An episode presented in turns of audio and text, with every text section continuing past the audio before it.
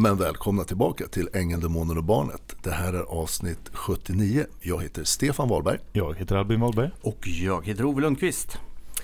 I dagens avsnitt så ska vi hälsa Lotte välkommen tillbaka för du har varit med oss förut och eh, det är alltid kul att ha dig här. Eh, Jättekul. och anledningen till att Lotte är här det är att eh, för att de två senaste avsnitten har vi ju då pratat rätt mycket om hur man ska gå tillväga för att komma kring det här med narcissister och, och hur man ska kunna ta sig ur ett destruktivt förhållande och vart man ska vända sig och alltihopa. Och vi hade ju faktiskt Helena här som hade sin eh, otroliga historia som hon har varit med om. Och du har ju också haft en historia fast vi, vi, vi ska återkomma till det och hur din historia ser ut. Men du reagerade också på en sak där i, i en av de här delarna vart man ska kontakta. För att eh, man kan ju ha lite olika erfarenhet av i hur man blir bemött på de här olika instanserna. Och så jag tänker jag ska lämna över lite grann till dig Lotte så kan du få börja lite om din resa. Du har ju pratat om den här tidigare i ett avsnitt och eh, det här är ju lite samma resa men lite, eh, vi ska väl gå lite mer på djupet av vad som hände då. Mm. Nej, som sagt, jag lyssnar ju på de här. Eh, jag lyssnar på alla avsnitt, men jag lyssnar på Helena. Så fantastiskt bra eh, avsnitt. Och det är ju så otroligt märkligt det här med att hon har haft en relation med en sån här människa. Det har ju inte jag. Den här, eh, att jag har drabbats, det är för att mina barns pappa gifte sig med en narcissist. Eh, och det drabbade mig eh, mer än jag kan förstå. Men ändå så känner jag igen allt Helena säger. Jag, jag, jag känner igen vartenda ord, jag kan skriva under på allting. Mekaniken är densamma. Ja, det är det här mönstret Ja. liksom de har. Eh, så det var superbra och alla de här tipsen också hur, hur man ska gå tillväga. Var vänder man sig? Eh, och då nämndes bland annat socialen. Och det är ju den formella vägen, alltså det är ju den eh, tillgängliga instans alla har och jag vill verkligen betona att man, man ska vända sig dit. Man måste försöka få hjälp någonstans. Men det går inte alltid jättebra. Nej. Eh, jag har ju varit i kontakt med dem under de här nio åren vid ett antal tillfällen av olika skäl.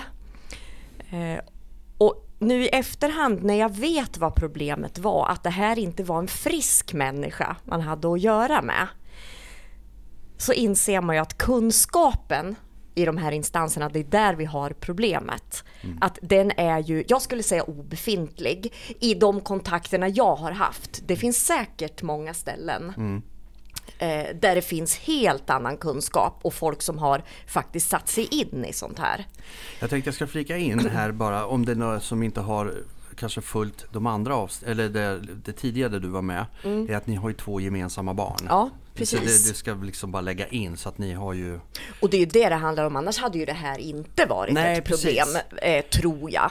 För i och med att Helena då inte hade några barn med den Ja, exakt. hade Eh. Det är ju det det handlar om. Och det, eh, det handlar ju om eh, det här med pengar. Ja. Alltid pengar när det är såna här människor man har att göra med. Eh, och nu var ju som sagt, jag ska också betona verkligen att mina barns pappa är absolut inte narcissist. Nej. Eh, jag har levt med honom i 18 år, jag vet det. Det finns inget narcissistiskt hos honom Nej. på något enda sätt. Däremot nu i efterhand när de har skilt sig igen för ja, tre år sedan faktiskt. Eh, så tycker jag att han har kvar lite av beteendet han speglade henne med. Väldigt sällan, men det, det, det slår igenom ibland liksom. Men han är inte en sjuk person i grunden. Nej. Men vi pratade lite grann om det här innan, det här med det här, om vi ska stanna kvar vid det här med beteendet, att Mm. det liksom kommer tillbaka. Vi hade ju lite teorier om hur det kan komma sig. De levde ihop i, var det sju år? Eller? Nio. Nio år innan Mm. de skilde sig. Ja. Borde jag veta, jag fotade deras bröllop. Ja, och du vet Ove, när jag fick veta det, det hade du inte berättat för mig. Nej. Den chocken, jag undrar om du märkte det? När du visade de här bilderna. Och det, då ska man tillägga då att jag hade ju egentligen inte så mycket aning om själva historiken bakom det här. innan. Nej, jag det hade att, inte nej, du för då. Det, nej, precis. Så att jag, för mig var det liksom lite ovetandes. Men de hade i alla fall levt ihop i många år. Och eh, blir det så här då att när man då lever med en narcissist och man an- vaggas in och blir den här medberoende.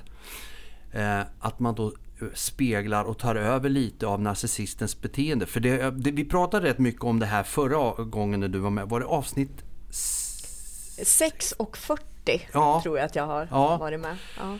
Och det här med sms-konversationer och hur det kan det liksom, att det blir väldigt konstig ton och eh, konstig vinkel på det. Vi kommer ta det lite grann här idag. Men det här då att man så efterhand sen när man dras tillbaka då i de här tidigare diskussionerna och försätts i ett historiskt sammanhang. Att man då kommer tillbaka i samma beteende som man hade då när, man, eh, när det här ämnet då kom, kom upp.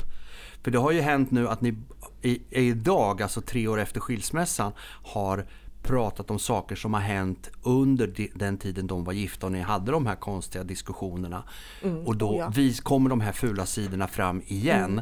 Och jag vet inte, men jag, jag får en känsla av att man hamnar i samma state of mind som man var när man skrev det första gången och då reptilmässigt liksom hoppar in i samma sätt att agera. Det är det säkert därför att jag märker ju också att när jag får eh, ibland det här som, ja, vad kallar du det för? Att hamna tillbaka plötsligt Ja. i en tillfälle, Ja. det här idiotbeteendet. Att jag också hamnar tillbaka i reaktionen Ja. jag hade då med illamående och jag behöver spy och jag blir aggressiv och jag liksom... Så minnen drar igång massa känslor. Exakt. Eh, Och inte bara för dig utan även för honom. Ja, men sannolikt är det ju så. Och så försöker jag ju tänka, ja men okej, det här blev skitdåligt. Ja, det är som det är. Men i grunden vet ju jag att han är ju inte en galning. Nej. Jag försöker jag tänka också. på det liksom hela tiden, att så är det ju. Ja. Det är bara att jag reagerar på att fy fan, nu beter han sig som en idiot igen. Det här tar jag inte liksom. Nej. Eh, Men jag tror att jag tror bara av den erfarenheten att det lever kvar. Mm. Man kan inte släppa det. Har man speglat en sån här människa i nio år, då kanske man inte bara kan släppa ett visst eh, inmatat beteende. Ett mönster, liksom. ett beteende. Ja precis, för jag tror att det sätter sig ganska starkt eftersom man kanske dagligen blir utsatt för det här. Och Sen är ju frågan om hans beteende som han hade mot dig, eh, om han var sån mot andra också. Det där vet ju inte jag. Alltså, jag, jag tyckte ändå det var, en, det var en klok poäng du nämnde här. När, att han, när han uppvisar lite liknande tendenser så väcker det samma beteenden i dig. Och bara den, liksom, eh, vad ska vi kalla det, effekten, den kombinationen Mm. kan i sig bli en bara spiral som matar sig själv på något sätt. Då åker man Eh, in i en konflikt på en gång Ja. som blir så här... eh, Han beter sig lite som han gjorde då, Ja. så då reagerar du lite som du gjorde då och Ja. då beter han sig ännu mer som han gjorde då för att Ja. det väcker till liv och man, båda triggas av varandra och, och Och dras det är ju det här man inte vill, i alla fall inte jag. Jag vill ju inte ha tillbaka det här. Jag vill bara ha det lugnt Ja. liksom. Och då blir jag så här fruktansvärt besviken när den här situationen händer. Och jag kan inte skylla den bara på honom heller, men jag blir besviken när det händer. Och det liksom. här är ju så intressant eftersom att ni då eh, du sitter ju som eh, en person utanför deras förhållande direkt Ja. med, med narcissisten och han har levt med narcissisten.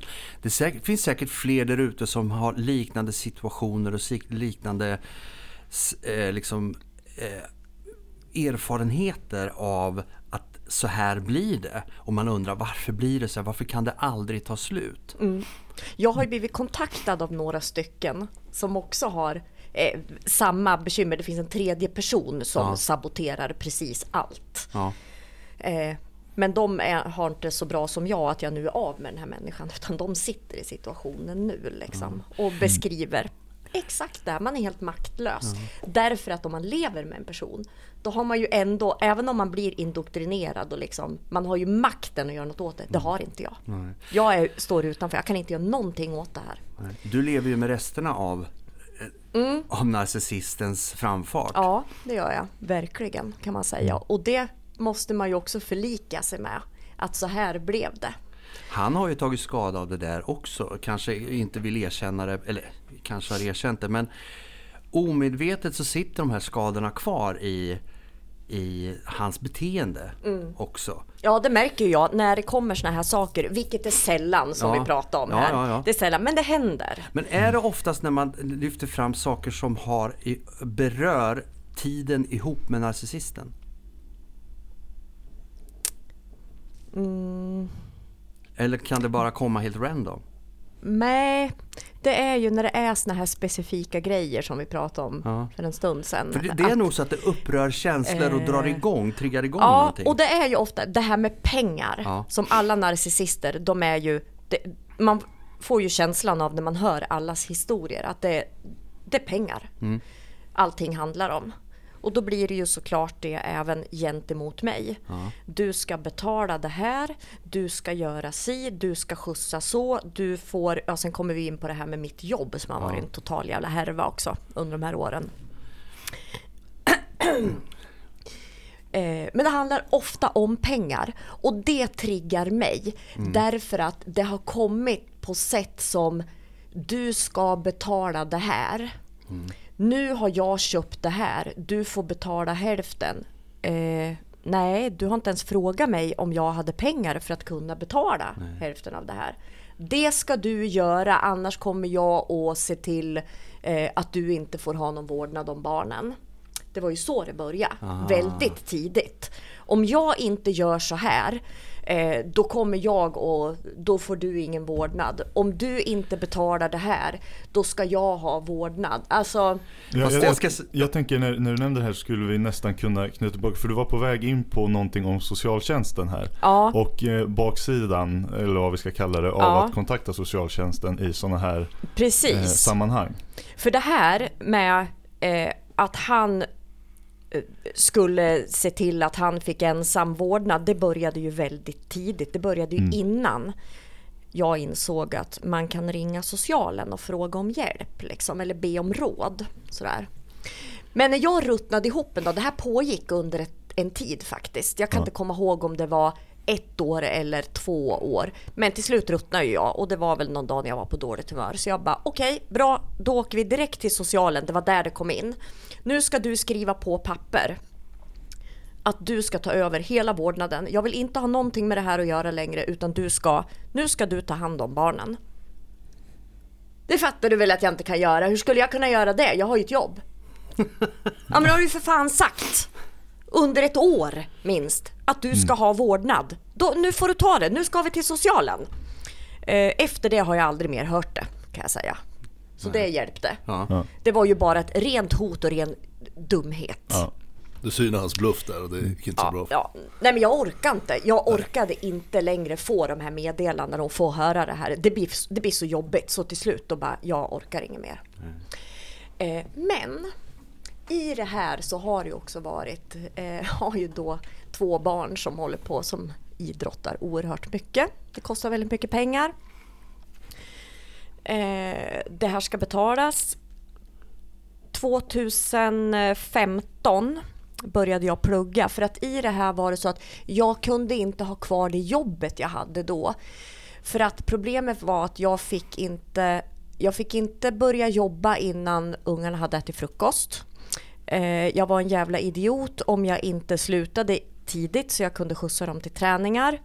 Eh, jag kunde, fick inte jobba kvällar. Jag, har ju, jag är ju alltså sjuksköterska, jag jobbar kvällar, nätter och helger i hela mitt liv och det vet han ju om. Det har ju alltid varit så liksom. Eh, Jag fick inte jobba kvällar, kunde jag inte göra. Absolut inte nätter och jag kunde ju inte jobba helger för då var jag ju helt sjuk i huvudet. Så jag kunde inte ha jobbet kvar. Allt Utan enligt honom nu, ja precis. Ja, precis. Utan jag började plugga istället.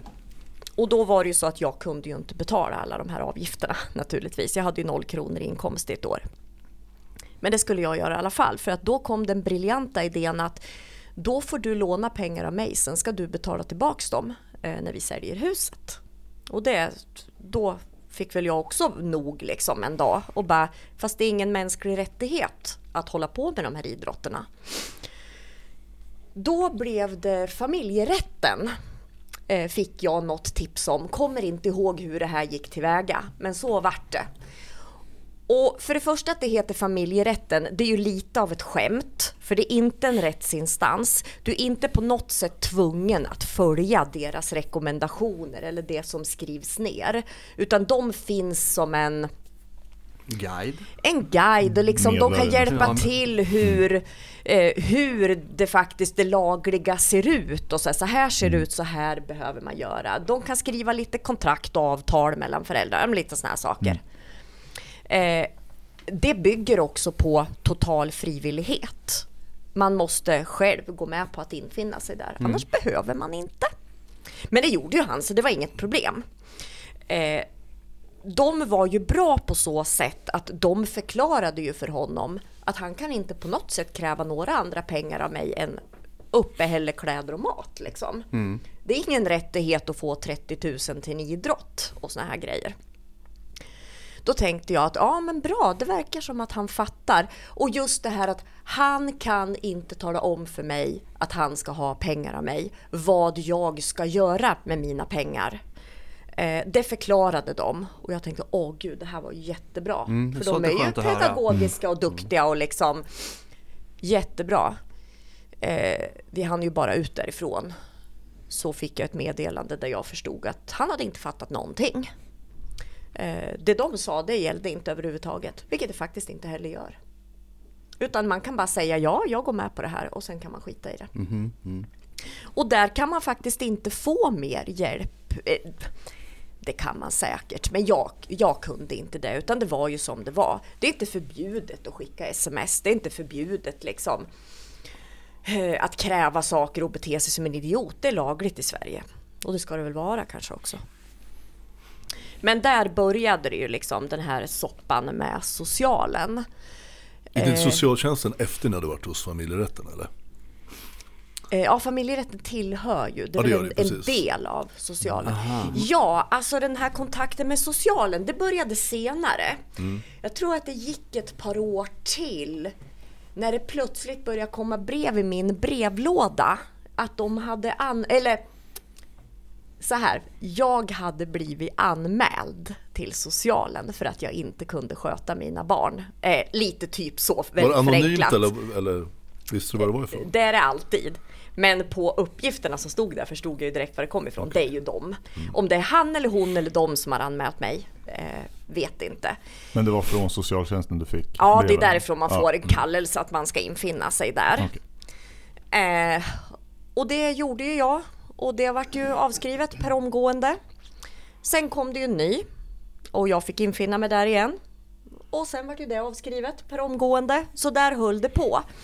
Varje gång vart jag, jag jobbade i Stockholm då. För då hade det gått eh, ett år till så att jag hade börjat jobba där. Eller två år kanske till och med. Och eh, det är ju inte skitenkelt. Där åker man ju inte en timme från jobbet på ett möte och sen åker tillbaka. Utan varje gång fick ju jag ta semester, krångla med chefer. Eh, ja, ni fattar ju själva. Det var inte så att man fick boka tid utan man fick en bokad tid. Man kan säkert ändra den, men det är inte så himla lätt för att jag var ju borta en vecka liksom och jobba. Ja. Eh, Så det var ju inte så enkelt. Eh, och- och Hur där- upplevde du socialtjänsten då? Var de, de lyssnade på dig då eller? Ja, de lyssnar ju alltid och sitter där och nickar och ser trevliga ut. Sen när de börjar prata så inser man att de har inte fattat ett ord av vad jag säger. så är det. Hade, hade du uppmärksammat det här? Du visste ju vid det här laget vad, vad, vad hans partner, vad hon gick för. Eller hade, hade, hade du förstått vid det här läget? Nej, nej men alltså det, det vet jag att jag har sagt förut. Att första gången jag träffade henne, det var ju på en gemensam fest. Jag förstod direkt att det är någonting som inte står riktigt till här. Eh, Så det visste jag om. Men just och, och sen beteenden under åren la jag ju till att herregud, det här, är, det här är ju en människa som inte är klok. Liksom. Men just narcissist, det hade, jag kunde inte sätta ord på det då. Det, det kom ju när de hade skilt sig och han ringde mig det det plötsligt liksom, en dag. polletterna började ramla ner ordentligt. För det Det var ingen då polett som ramlade ner, det var ett kassaskåp. det var ett kassaskåp ja. Därför att han ringde till stor del för att berätta det här. då hade han fått veta det av en annan person som hade ringt upp honom och berättat en massa grejer. Då. Eh, och då, det ramlade ju ner på en hundradels sekund. Då förstod jag ju precis varför det hade varit som det hade varit. Du förstod att det var inte han egentligen som skickade utan det var ju hon som stod i bakgrunden. Ja, han, ja exakt. Eftersom jag hela tiden hade... Man känner sig själv fan med psykotisk alltså. När man inser att det här är en människa som man känner men som beter sig eh, som man inte känner längre överhuvudtaget. Och jag har sagt det förut. Jag visste ju att det här är inte hans beteende. Han beter sig inte så här. Han är inte en sån här Nej. vidrig person Och det har jag- egentligen. Och det har jag också sagt för vi har ju pratat om det här tidigare också. Ja. Att eh, under den här perioden så eh, vi sågs ju med jämna mellan, eller Mm. ojämna mellanrum som man brukar säga. Men vi träffades i alla fall och pratade och det, det här kom ju upp. Och jag sa ju även då att nej, det här är inte den Stefan jag känner. Nej, precis. Jag var jätteförvånad och fick inte ihop det heller i mitt huvud. Och kunde inte, och det, det var lite grann där, ingen av oss kunde liksom förstå vad det var som triggade honom att bli så här. Jag hade ju träffat henne eh, några få tillfällen bara då när de gifte sig. Och fick en uppfattning om att hon var en hygglig, trevlig, Mm. Ja men det är väl klart människa. du fick. Hon är ju en narcissist. Ja, det är väl klart. klart. att du tyckte att hon var fruktansvärt trevlig. Men jag hade ju liksom inga större eh, referenser till henne utan det var ju bara under en kort period och vi hade kommit bra överens och det funkade och alltihopa. Det var inget konstigt där. Nej. Men jag tror, undrar om det inte var när jag tänker efter, när jag plötsligt fick veta att du hade fotat deras bröllop. Ja. Att det var då jag berättade om de här smsen och du Jo. fick läsa dem. Ja, det, det måste ha varit då. Jag tror att det var i den vevan. För jag, jag berättar ju inte det här för vem som helst. Alltså, det Nej. var ju ett fåtal, mina närmaste vänner. Mm. För och det var ju mycket av anledningen att bara, jag vill inte berätta det här för jag vill inte att folk ska tro att han är helt sjuk i huvudet. För han är ju inte det. Nej. Jag vill inte framställa honom som han faktiskt beter sig. Mm. Eh, men mina närmaste kompisar de sa ju exakt som du. Det här stämmer inte. Nej. Det här är inte han. Han, han är inte en sån här person. Nej. Det var ju därför jag berättade för dem. För Mm. att de vet ju att det inte är en galning. Och till saken jag ska väl säga att du och jag har känt varandra sedan början på 2000-talet. Eh, när vi, bör, vi alltså fotograferat ihop och jobbat i mörkrum ihop. Och det är på den vägen vi lärde känna varandra. Så att vi har ju då haft Vi hade ju känt varandra länge, då. Ja precis, innan det här uh, hände. Så därför så känner jag att jag har eh, träffat honom då i många tillfällen. Ja, Och tyckt svinbra om honom ska jag säga. ja men alltså det gör ju Det gör alla. vi säkert fortfarande. Ja. Det har väl inte förändrats för min del så. Men han har haft en tillfällig svacka kan man väl säga. Som Jo, den pågick- var ju pågick ett tag. Pågick ett tag. Mm. Men det drabbar inte mig. Nej. Eh, Men som sagt då det här med socialen, det fortgick ju under en ganska lång tid. Eh, Och det var ju under den tiden jag jobbade i Stockholm, för det gjorde jag under en del av de här nio åren. Fyra eller fem år tror jag. Eh, Och det fick ett slut faktiskt, eh, den sista anmälan. Då orkade inte jag längre. Jag var ju helt, helt totalt slut. Eh, av många olika skäl som vi kanske kan komma tillbaka till sen. Eh, Då följde faktiskt en kompis med mig. Och bara, hon bara, nu är det nog. Nu räcker det. Mm. Nu ska jag med. Så hon följde med och slog näven i bordet och bara, vad är, vad är det som händer här? Vad håller ni på med? Ni ser ju liksom Vad hade tidigare. hänt innan där? Hade, för du nämnde någonting innan vi körde på den här att, att de, socialtjänsten började tro mer på, på nej, dem. nej, och nej, tro- utan nej, inte det. då pratade jag om eh, kontakter jag har och när jag sitter och läser nu, jag söker upp massor med information, Mm. jag läser i forum, eh, folk som har drabbats av just det. Jag drabbades inte av det så illa som en del andra har gjort, att de här narcissisterna och snarare psykopater ofta, det är de man plötsligt tror på, så de får hela vårdnaden om barn och såna här grejer. Det händer ju. Eh, det drabbades jag som tur var inte av. När jag tittar tillbaka idag så förstår jag ju att det kunde ha drabbat mig också. Med den otroliga, som sagt, jag, jag tror att de, man kan ju inte rå för om man inte kan såna här grejer eller förstår de här mekanismerna. Jag tänker att nu sitter jag och killgissar. det får man ibland. Eh, de har förmodligen lika lite utbildning av nar om narcissism och psykopati som läkare har på sin utbildning gällande smärtlindring. Eh, och det, det vill säga i princip noll. Man kanske har några timmar en förmiddag där man pratar om det. Och det är till och med, nu blir det, nu blir det ett sidospår, nu hoppar jag fram väldigt Ja, långt. gör Eh, när jag jobbade, eh, ja, nej skit, vi behöver inte gå in på det, men när jag hamnade hos Företagshälsan för några år sedan så plötsligt började den läkaren fråga mig väldigt konstiga frågor som jag inte förstod syftet med. Men hon började bli väldigt intresserad av olika grejer om om du hamnar i en sån här situation, vad händer då? Varför gör du si? Varför gör du så? Varför?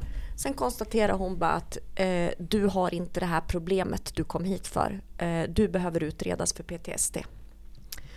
Eh, och så vart det och så vart diagnosen också. Och vart skulle jag komma med det? Jag vet inte. Nej, Nej, men- jo, av den, Bra. ja, av den anledningen eh, så bara okej, oj, och hur får man hjälp med det? Det kunde jag nämligen inte få på Företagshälsan för i samma veva slutade jag jobba åt den arbetsgivaren. Så jag hade inte Företagshälsan kvar. Då blir det vårdcentral. Eh, och i den regionen vi bor på, vid den tiden när det här hände, fanns det noll psykologer kopplade till vårdcentralen. Därför att de helt enkelt inte kunde rekryteras. Det är inte så att de egentligen inte borde ha, eller ska ha, utan det fanns inga. Efter ett tag här för något år sedan, två kanske. Eh, då, tills, då lyckades de få tag i en som jobbade deltid och jag fick komma dit. Hon sa ju direkt då att det här är verkligen inte min eh, specialitet. Jag är, jag, narcissism och psykopati, det är inget jag egentligen kan särskilt bra, men jag kan försöka hjälpa dig med beteenden eller kanske med andra saker. Så hon sa det. Det här är inte min grej helt enkelt. Hon var jätte, jättebra på andra sätt. Men då förstår man ju, det här är en psykolog. Hon kan inte det här anser hon själv.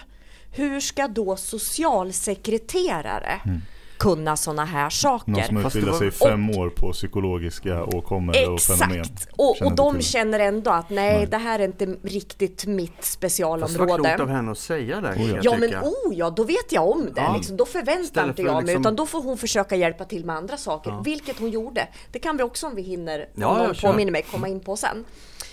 Eh, men alltså, de som verkligen kan träffa såna här skåp, det är ju på socialen. Mm. De borde ju verkligen fundera över det här. Och att det blir så, ja men vi ser ju, fan inte dagligen kanske, men eh, misstag som har gjorts, barn som har hamnat fel, man har inte utrett, man har trott på fel förälder. Det är väldigt mycket konstiga saker. Och jag tror inte att någon gör med mening alltså, utan jag tror att det är okunskap. Håll mycket. den tanken en stund. Ja. För att jag tänker så här att i en familj, så, man tänker en vanlig familjesituation runt om i Sverige. Så jag tror att det är inte direkt ovanligt att det finns narcissist, en narcissist i, i ett förhållande av olika grad. Det behöver inte vara hundraprocentigt vanligt men att det är vanligt förekommande kan vi vara överens om. Att det är, och det, det måste ju vara så här då, tänker jag, att de fallen som tas till socialen, eh, att i alla fall en del av dem har narcissistiska eller psykopatiska inslag. V- Varpå det du pratar om nu gör ju att det vore ju rätt tacksamt att de som jobbar där har i alla fall en hygglig kunskap om det här. Åtminstone i alla fall en kunskap om vem man kan vända sig till eller ta in eh, Konsult. konsult.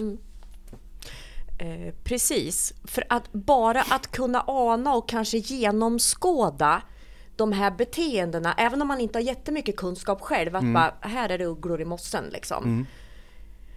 Eh, men vid det sista, den här sista anmälan, efter, efter det mötet har jag aldrig blivit kallad dit mer, när min kompis var med då. Kan du bara berätta vad som hände under det mötet? Ja, de berättade ju då eh, att eh, kommer inte ihåg exakt vad det handlade om, vad jag skulle ha gjort och vad jag skulle I ha alla sagt. dessa vänder. Precis. Eh, men alla de här anmälningarna gick ut på att jag skulle ha gjort saker eh, som aldrig hade hänt. Jag skulle ha sagt saker jag aldrig hade sagt. Jag skulle ha misskött mina barn eh, genom att göra något som aldrig hade hänt överhuvudtaget. Och det var, det var ju därför min kompis fick nog, för hon visste ju att det här kan aldrig, det här kan aldrig ha hänt. Det här är helt liksom orimligt. Men vid det här sista mötet, då sitter det två eh, det här är jättetaskigt. De kommer nog bli jätteduktiga, de här två unga killarna som jag hade kunnat vara morsa åt. Sitter med gapande munnar och stammar.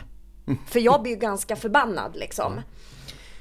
Och bara, men vad är det här? Var kommer det här ifrån? Jag, ifråg, jag frågar ju, jag vill veta nu liksom. Vad är det ni vill mig egentligen? Och sen då min kompis som är väldigt, väldigt saklig och korrekt och hon svär aldrig heller. Så att det är liksom, ja nej, nej vi förstår ju det här verkar ju jättekonstigt. Jo då, så kan vi säga. Eh, Så vi gick därifrån, de bara nej, nej men det, vi skickar ett avslutningsbrev bara och sen, sen har det ju aldrig hänt något mer efter det. Nej. De, Om det beror- där liksom, när du fick Om lite... det beror på att de bara, ah, fan vi kan inte kalla in den här människan på möten och mer. Eller om det beror på Vi klarar inte det. att, nej precis, att de faktiskt inte fick någon mer anmälan. Det vet inte jag. Jag tror ju att det är det sista, därför att jag, jag är rätt säker på att det är så att får de en anmälan måste de följa upp den, det känns det fel annars. Så jag tror att det är så Det har jag att... hört också. Att, eh, Ja. Eh, det kan vara så att de även har kallat in motparten och bara vänta nu, vad handlar det här om? Kan, vi, kan vi ta och lägga ner så att våra resurser kan gå till något annat? Jag kan inte svara på det. Det har jag faktiskt glömt att fråga. Jag skulle kunna fråga någon gång vid tillfälle kanske. Ja, absolut. Eh, motparten då, vad som hände egentligen. Men det vet jag inte. Men det är ju inte bara det här då, utan det finns också en instans som när jag researchade lite igår så heter det behandlingsenheten familj och barn. Vad ligger de under? Eh, socialen. Socialen? Ja, det är en gren Ja, också okej. av socialen. Eh, jag vet inte om det hette det för eh, några år sedan då. Men det heter vi det var nu i där. alla Det heter det nu. Och jag var, jag var och tittade på det stället om de låg kvar där och det gjorde de på, på samma ställe. Ja. Eh, det, det är också en enhet där man kan få hjälp att upprätta föräldrakontrakt Okej. hur man ska bete sig. De är väldigt specifika i, i alla frågor man vill ha reglerade. De är jätteduktiga. Alltså det var... Låter som Lyxfällan. Ja, ja, ja, ja, det är det faktiskt. Lite så. Eh, här var, i alla fall i, i vårat fall så var det en kvinna och en man som var väldigt trevliga, väldigt eh, jättebra, Ja. eh, ska jag säga. Men det kom ju även där att jag sitter, när jag sitter och säger saker och sen sitter någon bredvid mig som sitter och ljuger rakt upp i ansiktet. Och hur, ska, hur bemöter man ens någon som ljuger? Det, man kan ju inte säga någonting. Det är Fan. ju bara, det är fruktansvärt obehagligt. Ja, ja men jag, jag, vet, bara- jag vet. Och, och jag kan sitta och säga bara, men du ljuger ju, det här har ju aldrig hänt liksom. Men i vilket fall, de reglerar väldigt precis olika saker. Till exempel, hur många sms i veckan får du skicka? Vilken tid eh, en måndag eftermiddag får du ringa ett telefonsamtal om det behövs? Exakt hur ska det här gå till?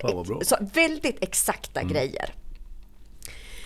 Eh, och det är också jättebra på papper. Det är ju absolut ingenting du är skyldig att följa på något vis. Men man kan ha det här, om jag inte minns helt fel nu, så kan man ha det här dokumentet som ett underlag om man behöver gå vidare rättsligt och ha det som lite hjälp. Liksom.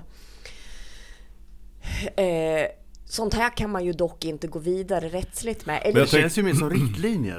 det Ja, men jag tänker så här, har ni möte och kommer överens om det här och så säger man okej nu provar vi hur det här funkar så träffas vi om två månader eller tre månader eller Mm. Exakt en månad. så va? går det till. Ja, det går till så, Ja. precis. För då måste man ju ändå stå till svars till någon och förklara Ja. sig i alla fall. Precis så går det till. Man kommer dit med jämna mellanrum under ett antal gånger tills Mm. man tycker att man är klar med, tills allt är på papper och allt är liksom nerskrivet.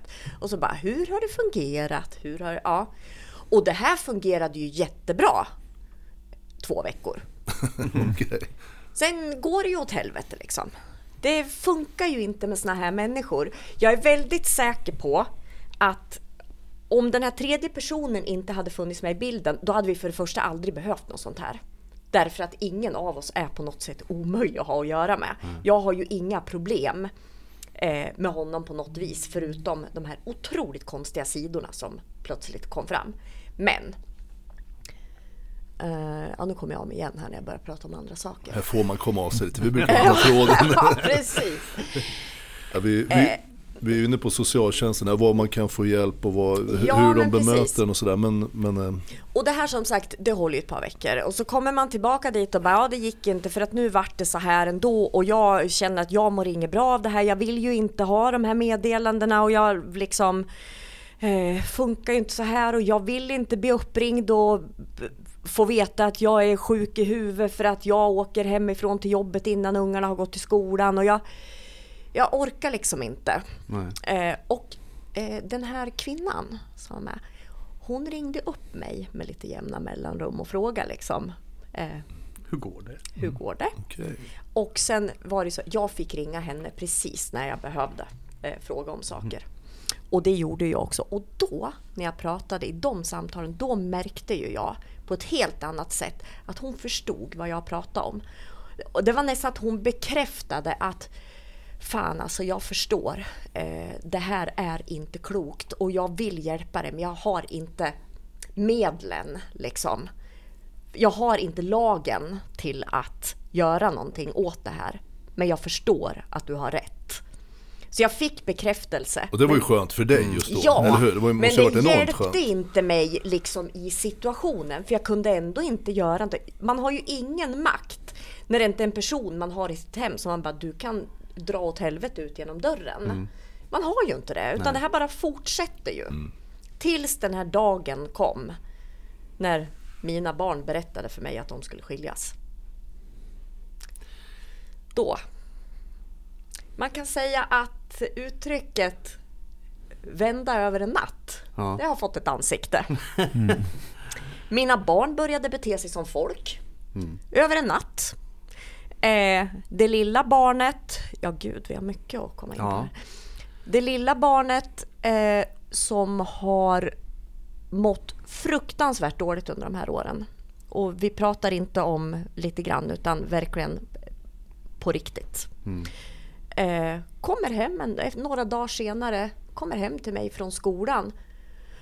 Jag kommer in i hallen och så hör jag att han skrattar.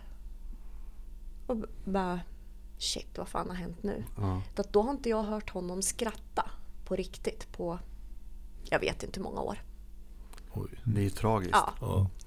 Eh, han studsar upp på morgonen och går till skolan. Han har inte längre ont i magen när han ska ha prov. Eh, han slutar vara sjuk varje vecka. Eh, den stora, som inte alls har varit drabbad på samma sätt. Nu ska jag inte säga att han inte har varit drabbad, för egentligen vet ju inte jag hur det har varit. Men på ett helt annat sätt. Han har mest varit stöddig, uppkäftig och liksom eh, på, på en helt annan nivå. Men han var också lite äldre. Eh, han började också bete sig. Har aldrig haft något problem med någon av dem efter den dagen. Oj. Det säger ju en del Ja, faktiskt. apropå det här med Flying Monkeys. Ja. Att det har ju varit, de har ju varit de perfekta. Eh, särskilt den, den lite mindre då. De är lättpåverkade. Ja, Så är det ju. Och det är ju de som har sagt såna här obegripliga grejer som att mamma gör si och hon säger så. Och där sitter jag som en idiot för de har ju också varit med på möten Jaha. på socialen. Eh, och till den här eh, behandlingsenheten för familj och barn. Eller, ja. Ja. och sitter där och på fullt allvar sitter och berättar saker som jag har gjort som aldrig har hänt. Det där är ju, Och man det är blir då- ledsen när man ja. hör det där. Och det är då Riktigt. jag ska försöka att bara, okej, de är inte så gamla, de förstår inte det här. Eh, jag låtsas bara som det regnar. Jag kan inte utsätta dem för någon obehaglig situation nu. Men det kom en gång när jag bara, sitt för fan inte här och ljug. Varför sitter du här och ljuger? Ja. Och då, då ser man ju hur det bara de vet ju inte vad de ska ta vägen. Vadå? De, de förstår ju ingenting av vad som händer i situationen. Man ser ju det här Ja. på dem. Ehm, Det här är, ett jävla, det är jävligt Men otäckt att se. har, ni, har, har ni pratat om det här i efterhand? Har de förstått sin inblandning i det här och hur de har agerat? Eh, Alltså utan att lägga skuld, men alltså att de... mm, ytterst lite. Jag har inte vågat. Jag tänker att det kan nog vara bättre att någon annan gör det. Jag vet inte riktigt. Eh, och framförallt den lilla då, vågar jag inte dra upp Nej, jag fattar. liksom eh, det här. Nu tror jag att det skulle gå jättebra. Ja, för jag tänker, det har ju gått i alla fall Han är tre år. en helt annan person. Ja. Det går inte att tro att det är samma Nej, människa. och sen har de blivit vux, lite alltså vuxna. De är ju de är mycket, mycket äldre. Ja, det är så de. att det är, alltså, jag får ju anse dem som vuxna nu. Så, Ja men det är de ju faktiskt. Den minsta är, har ju fyllt 18 Ja, precis. Så att, ja, de, de räknas ju som vuxna ändå, även om man inte tycker det Nej men jag gånger. tänker att där borde man komma till liksom, när man, de som själva kan ha insikt i hur det har varit och Mm. liksom har fått se. Och det här om vi spårar ur igen här från socialen så eh, den, den lilla då som har haft, som har mått sämst och haft Ja. de här problemen som vi aldrig har förstått riktigt vad de beror på. Jag har ju hela tiden hävdat eh, vem det beror på. Men gissa om jag säger det. Det förstår ni ju själva vad som händer då. Det går ju inte. Eh, han har ju, det har ju varit kuratorer, beteendevetare, eh, alla, alla instanser man kan tänka sig gå att uppbringa i denna stad har varit inblandade. Och ingen har förstått vad det handlar om. Nej. De har ju bara varit helt, äh, jag vet inte vad jag ska göra. Jag kommer ingenstans. Tills jag fick nog en dag när det hände väldigt, väldigt allvarliga grejer och ringer BUP akut. Eh, och då får man ju sitta en jättelång intervju. Eh, och direkt efter intervjun så säger de bara han måste hit akut. Och fick en tid dagen efter. Så att när det är akut då funkar det faktiskt. I alla fall har det gjort det. De har, det har funkat jättebra. Eh, han får ju en, en psykolog där som han tyckte jättemycket om. Eh, och sen så får man ju vara med ibland på något samtal när de vill ha liksom antingen bara förälder eller både förälder och barn. Och då händer samma sak där. Att då får jag veta av henne att han tycker inte om när du gör så här och säger så här. Och då sitter jag där och bara Fast det här har aldrig hänt. Och då bara, varför har du suttit och berättat saker jag aldrig har gjort? Och han vart ju så ledsen. Mm. Jag vet inte om han själv trodde att det här faktiskt hade hänt. Jag tror att han trodde att det hade hänt. Ja, men tror jag också. Det, det är precis det här sådana här människor gör. De, Ja. de matar in och barn Ja. är så tacksamma. Gaslightning. Ja. Det är gaslighting på otroligt hög nivå. Eh, Så jag tror att han på riktigt trodde det och att jag satt där och skämde ut honom. Eh, tills det kom, till slut då kom det från även den här tjejen då, hon var väldigt ung men hon verkar jätte, jättebra liksom. Att jag kommer ingenstans. Jag kan inte göra mer.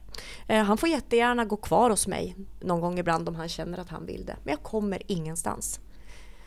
Och i efterhand nu så förstår man ju förklaringen till att ingen kom någonstans. Nej. Hur skulle de kunna göra det? Problemet fanns ju där hela tiden. Problemet fanns hela tiden och problemet var inte jag. Nej. Vilket alla försökte få det till att det var jag. Mm. Under den här perioden, har jag berättat det förut Det förresten? jag vet inte. inte. Kör. Eh, vet, eh, då, han gick på högstadiet då, när BUP var inblandade.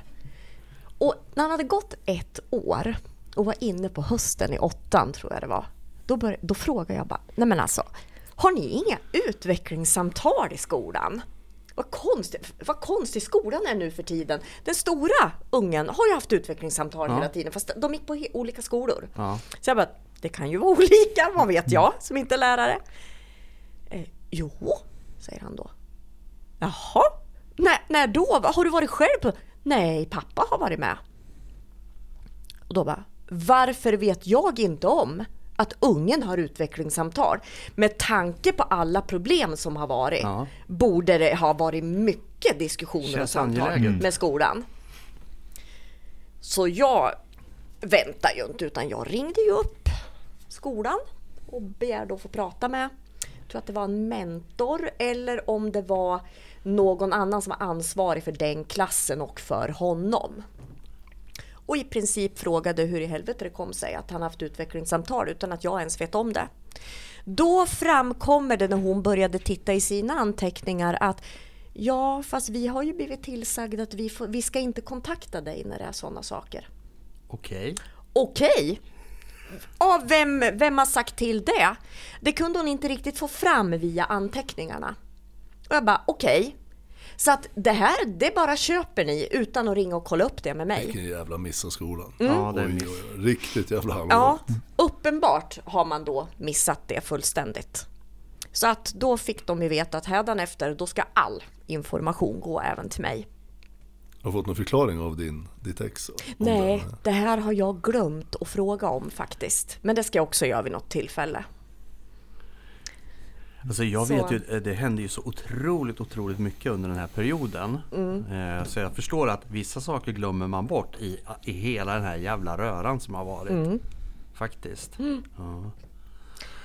Nej, så det är ju också... Sen kommer vi, eh, när det har gått ytterligare ganska lång tid, Eh, för det här eskalerade ju. Framförallt eskalerade det ju i mitt huvud när ingenting slutade utan det bara fortsatte mata på. Jag kunde inte vara kvar på mitt jobb. Jag hade ju jättesvårt att sköta ett jobb överhuvudtaget samtidigt som jag var tvungen att jobba in så mycket pengar för att kunna betala liksom. Jag vill ju att de ska hålla på. Man var väldigt, väldigt duktiga i sina idrotter båda två. Jag vill att de ska kunna hålla på. Jag vill kunna skjutsa. Jag vill kunna liksom mm. Eh, att, jag vill helt enkelt att de ska inte känna att de har brist på pengar. De ska få det de vill ha. Det är min filosofi och den är jättedålig, det vet jag. Men det är så det är. Så det innebär att jag är tvungen att jobba, jag jobbar mellan 80 och 100 timmar eh, varannan vecka och sen leder varannan vecka. Då. Eh, och då är man ju inte riktigt helt som man ska i skallen. Det kan jag ju säga. Och så fortsätter det bara matar med meddelanden, bara matar med hur dum i huvudet jag är. Eh, att jag eh, skiter i mina barn. Att jag, ja, det finns inga, jag fick ju också höra av barnen att det finns inga andra föräldrar som jobbar så här långt bort. Det finns inga andra föräldrar som struntar i sina barn på det sättet som jag gör. Och då var jag, frågade jag bara, men jag jobbar ju när ni inte är här. Alltså ni vet ju inte, ni märker ju inte att jag är borta och jobbar. Det räcker med att vi vet att du är borta och jobbar. Okej, ja, ja då kan jag inte göra mer liksom. Eh, Alltså jag tänker så här, mi- ja, jag tänker så här, mitt i det här nu när du pratar Mm. om det här. Så eh, det första som slår mig, personer som blir drabbade av det här både i och utanför relation, alltså blir påhoppade med sådana här saker, alltså att man blir nedtryckt hela Mm. tiden. Är det konstigt att folk tar livet av sig eller överväger självmord? Det är det Nej. här som är, för man till slut så hamnar man i en situation att man, man tror att man är fan med helt oduglig, dum i huvudet. Mm. Ingen vill veta av en och jag har ingen, ingen plats på den här jorden eftersom jag är helt värdelös. exakt, det är ju precis det man vet om för till slut då vet man att det är så. Man, man vet det. Det är Och du det är som det här är roten till allt det onda. Exakt. Eh, och det är det här som vi har sagt förut, är att eh, vem fan har kidnappat min hjärna? Ja. Varför fungerar jag inte? Varför gör jag hela tiden fel?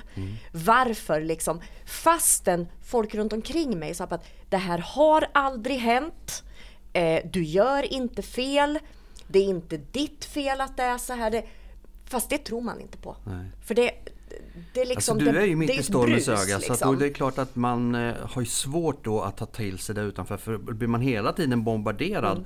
av negativiteter och att man är så dålig och värdelös. Det är klart att det är det man tror på. Sen så står det någon utanför som inte hör det här dagligen och säger "Ja, men Lotte det är inte fel på dig. Nej. Ja säger du ja för att vara snäll.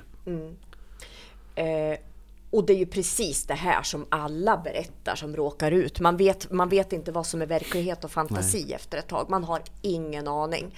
Och i det här, när det hade gått eh, ganska många år då, eh, då vart jag också tipsad. Det var faktiskt av socialen. Eh, eller ja, socialen, allt det här tillhör ju socialen. Men de tipsade om sin, eh, sin enhet som heter eh, här i stan heter det Centrum mot våld. Ja. Jag kan säga att det här är Örebro om det är någon som lyssnar och vill ha den här hjälpen så är det Centrum mot våld. Eh, där fick jag också kontakt med en jättevettig människa rent generellt. Jätte, jättebra. Hon hade ju massor med strategier för olika saker och hur jag skulle göra. Då kommer det här återigen som alla har sagt till mig under alla år. Du måste blocka honom. Du måste blocka honom på telefon, på mail, på allting. Jag bara, nu har jag precis suttit och berättat det här och det här och det här och det här. Vad tror ni skulle hända om jag blockar honom? Eller rättare sagt, jag vet exakt vad som händer. Eh, ja, men du måste göra det. Man måste göra så här och måste göra så här. Och hela tiden i det här så var det ju också ehm, Ja men om han gör så här, du kan ju inte göra något åt att han beter sig så här dumt. Men skulle du kunna ändra lite på dig så här? Skulle du kunna ändra lite åt det här hållet? Skulle du kunna vara lite mer tillmötesgående? Skulle, det var jag, hela tiden var det jag som skulle ändra på mig, tillmötesgå. Eh, och det var från alla de här instanserna. Det är hela tiden samma sak, det är jag. För de, där, han, du Fast då måste är det offret han som får kom, krypa. Ja, Mm. exakt. Han kommer inte ändra sig. Du kommer tyvärr inte bli av med det här. Du måste förstå att du måste lära dig en strategi att hantera det här. Eh, för du kan inte ändra på honom. Du kan inte ändra på det här. Nej men okej, det är ju för jävla bra. Och då, nu i efterhand förstår jag ju också att det måste ju vara okunskap. Det här måste ju vara att de har inte förstått att jag sitter och berättar om en fullständig galning. Eller en galning som styr en människa som inte är en galning. Precis. Det, det, så det absurda liksom i den här situationen. Det som är intressant i det här det är ju att vi, vi brukar säga så här om man har en person i kring sig som är narcissist eller om man kanske till exempel har ett förhållande med någon som man inte har några band till som barn eller någonting annat ekonomiskt eller något. Då är det lättast att bara blocka, bryta och stänga av för att annars så kommer de hela tiden komma tillbaka och pocka på uppmärksamhet. Ta bara bort det. Det är det enklaste sättet. Men alla situationer och förhållanden är inte likadana. Nej. Utan i det här fallet så finns det barn involverade i det här och ni har en lång relation och alltihopa. Det innebär ju också att ni måste ha någon form av kontakt med varandra för barnens skull. Okej, hur ska man då lösa det på smidigaste sätt? Då är vi inne på det du var nu med okunskap inför den här typen av förhållanden. För de har säkert hört en narcissist, en psykopat, bryta alla band. Alltså det är väl så, det är, det är ett enkelt sätt att göra det på. Men det funkar inte för alla. Jag berättade ju då att om jag blockar allting här, då kommer det dröja ungefär tre och en halv minut. Sen kommer mina barn och börja ringa och fråga varför jag inte svarar pappa. Det var exakt vad som hände kan jag berätta, för jag gjorde ett försök.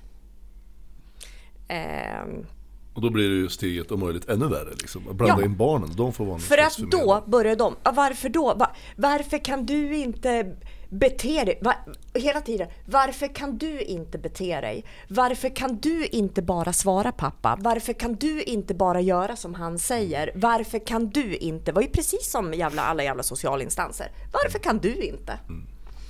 Eh, och i det här, vid den tiden eh, när jag hade kontakt med Centrum mot våld, då fanns det inget lagrum för eh, psykisk misshandel och Nej trakasserier. Det ska oerhört mycket till för att man ska kunna väcka liksom, åtal och försöka komma till något sånt när det gäller sådana saker. Det har ändrats nu. senaste åren. Nu finns det en lag, jag kan Okej. inte den. Nej. Så jag kan inte redogöra för den. Frågan är Eh. om vi ska göra så här att vi ska försöka ta reda på, Lotte du kan väl ta reda på var man kan eh, läsa om det här så Ja. kan vi flika in det antingen i nästa avsnitt Mm. eller att vi också lägger ut det på, på Facebook på Ängeln, Demonen och Barnet. Mm. Ja men det kan jag, ju- det kan jag Ja. göra för jag har läst en gång, jag kommer bara inte ihåg texten. Nej, det, det och vad- kanske kan vara bra för någon att få reda på det här. Ja, precis. Eh, och i den här vevan, det var faktiskt inte den här vevan utan det var tidigare. Eh, det var ganska många år sedan jag första gången kontaktade en advokat som jag var tipsad av om en annan kompis som har behövt en. Eh, Och han sa ju samma sak att jag är ledsen men det här blir jättesvårt men jag vill att du samlar på allt. Och nu kommer vi tillbaka till det här som är så jädra viktigt. Ja. Skärmdumpa allt. Ja. Spela in alla samtal.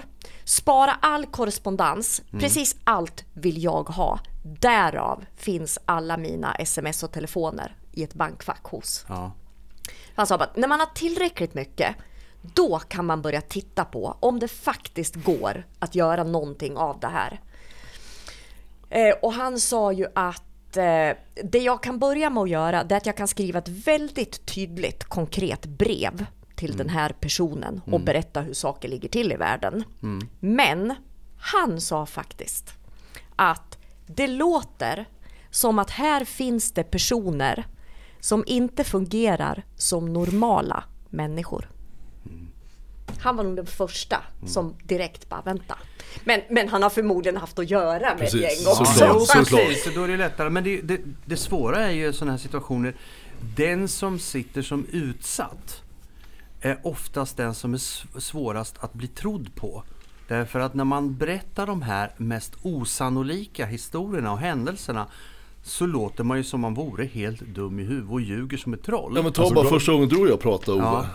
Du, du, du visste inte du, du, såg ut att må dåligt Ja, alltså, ja, efter en stund. Jag, jag tänkte för jag kan inte berätta mer. Och då känner ni varann. Ja, oh ja. Förstår du när Ove ringde till mig då och berättade det här och jag bara, Det är det sjukaste jag har hört. bara jag, har ett, jag, jag har en USB-sticka. Jag bara, vänta, vill jag ens veta vad det här handlar Nej men det om? blir så, det blir så mycket, det är så omfattande.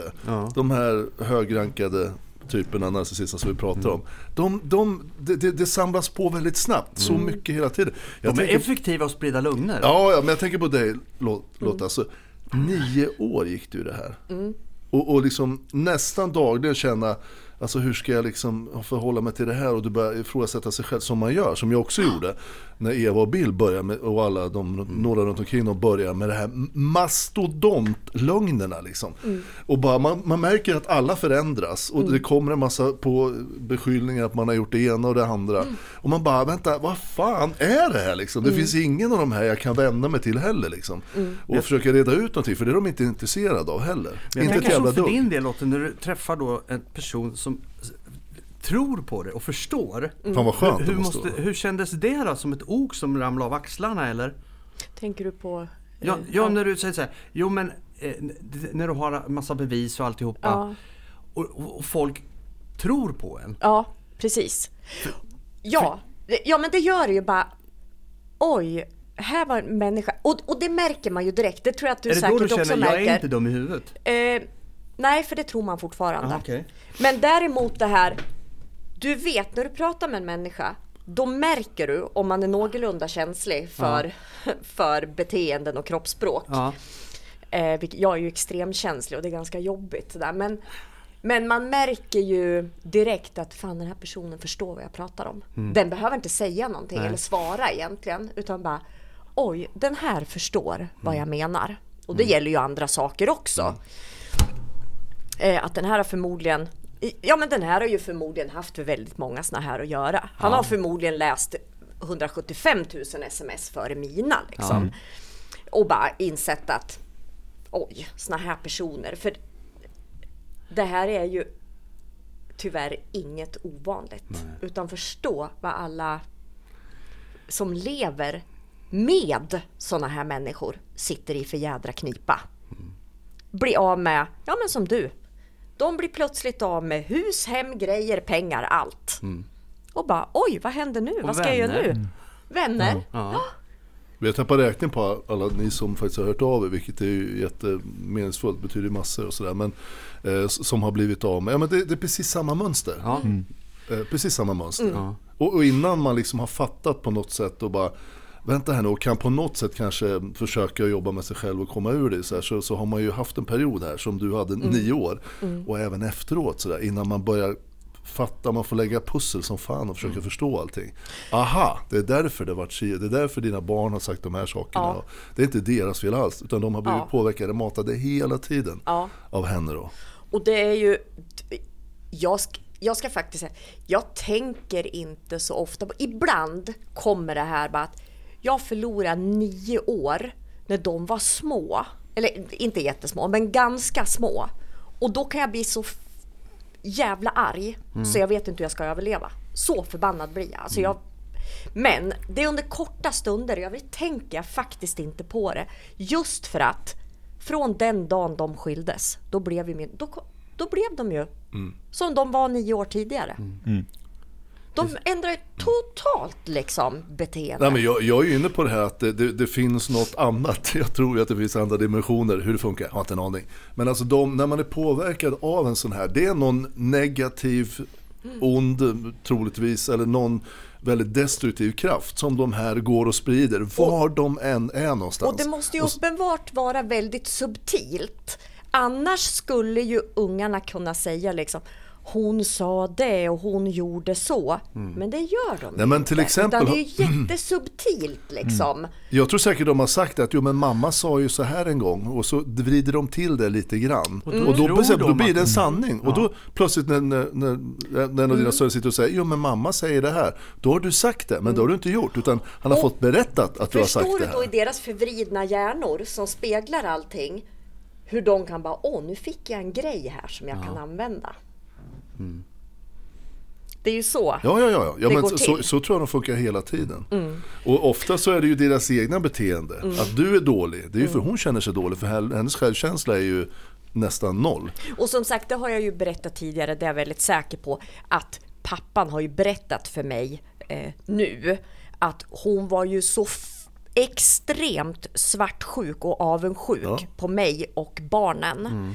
Så att det, han fick ett rent helvete varje gång han fick ett sms. För då var han tvungen att berätta vem det kom ifrån.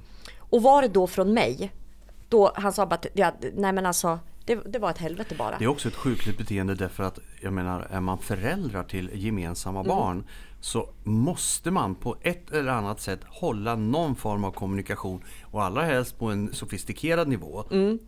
Och då, därav kunde ju jag förstå varför han ibland var jättetrevlig när han pratade i telefon. Då var inte hon där. Nej, just det. Och så ibland så. var han en idiot. Och då berättade jag för honom att han var en idiot. Mm. Och då var ju saken förmodligen inte bättre. Men jag kunde ju inte veta, om jag hade fått veta då att du, alltså du kan inte kontakta mig den här veckan. För att då får jag ett helvete. Då hade jag inte gjort det. Nej. Eller bara, den här tiden på måndagkvällar, då ser jag till liksom att...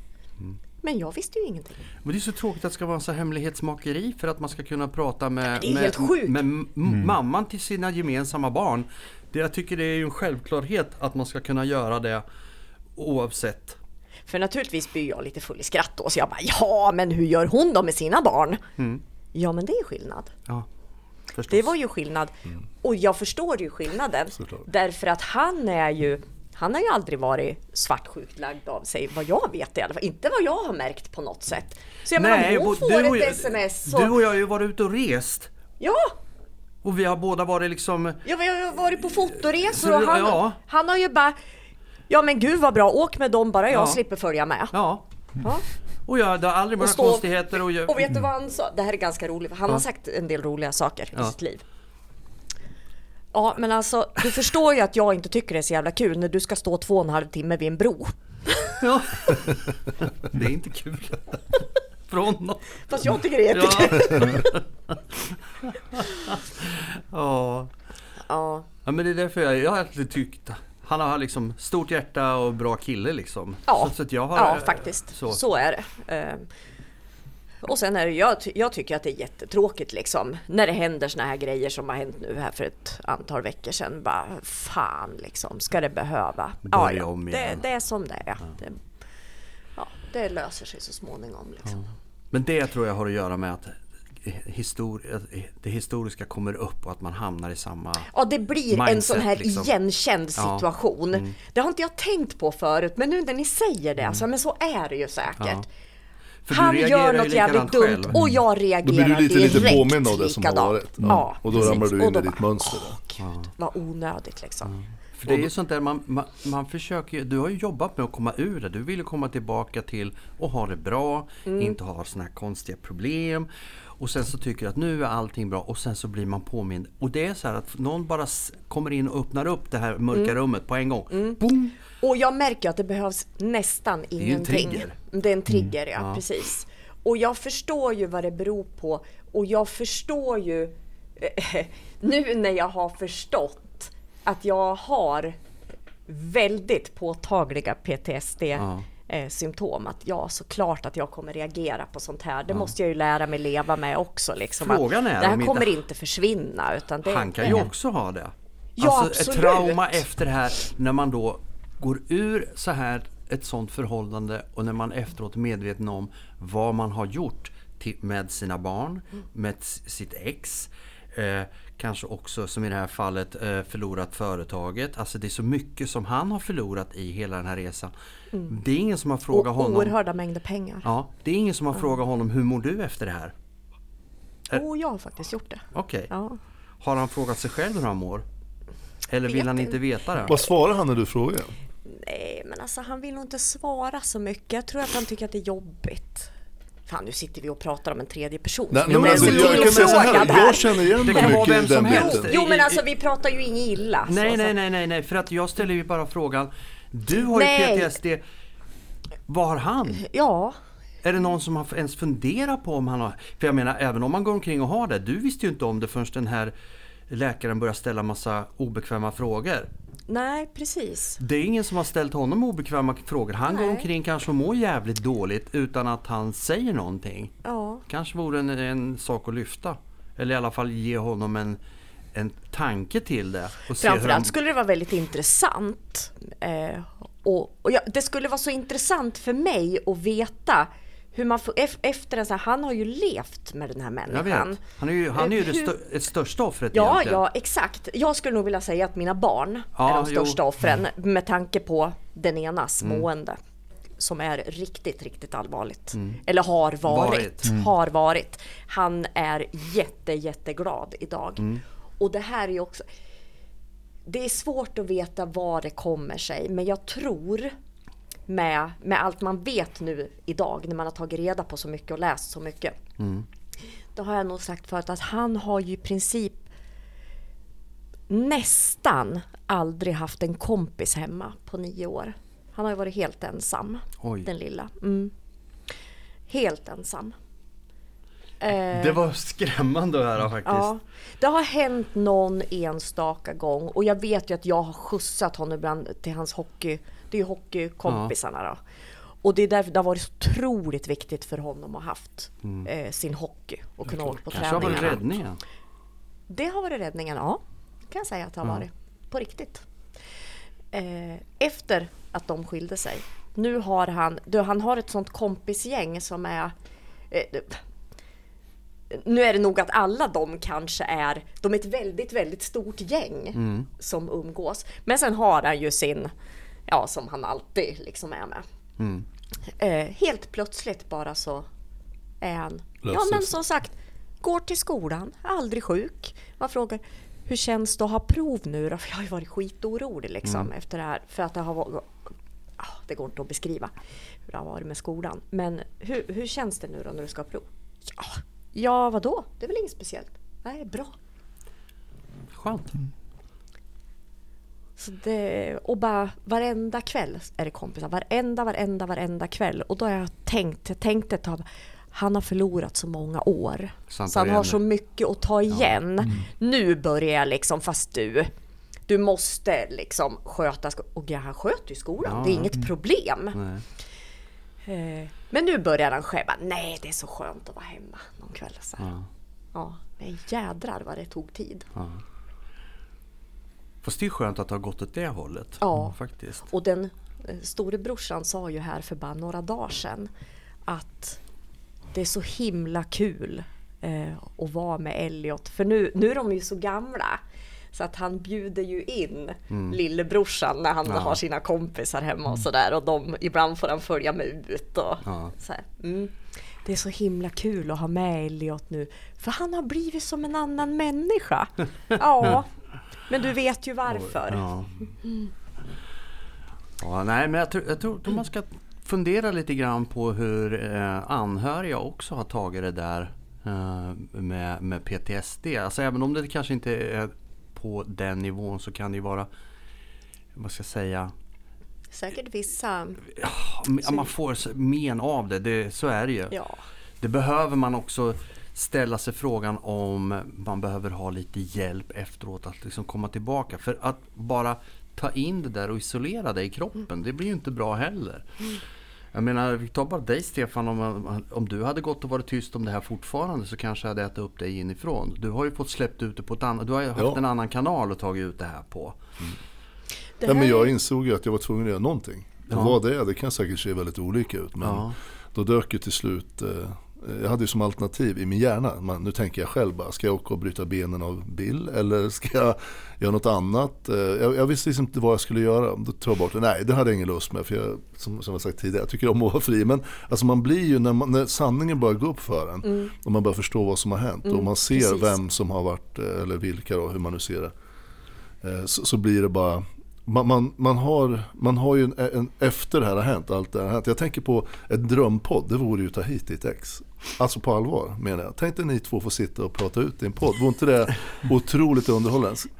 Jag, jag, jag, jag, Ja, jag slänger ut det så här bara helt oförberett. Men, men jag Ja. tänker så här, för jag känner igen vissa bitar han, när du berättar om honom. Det här med hur man känner efteråt.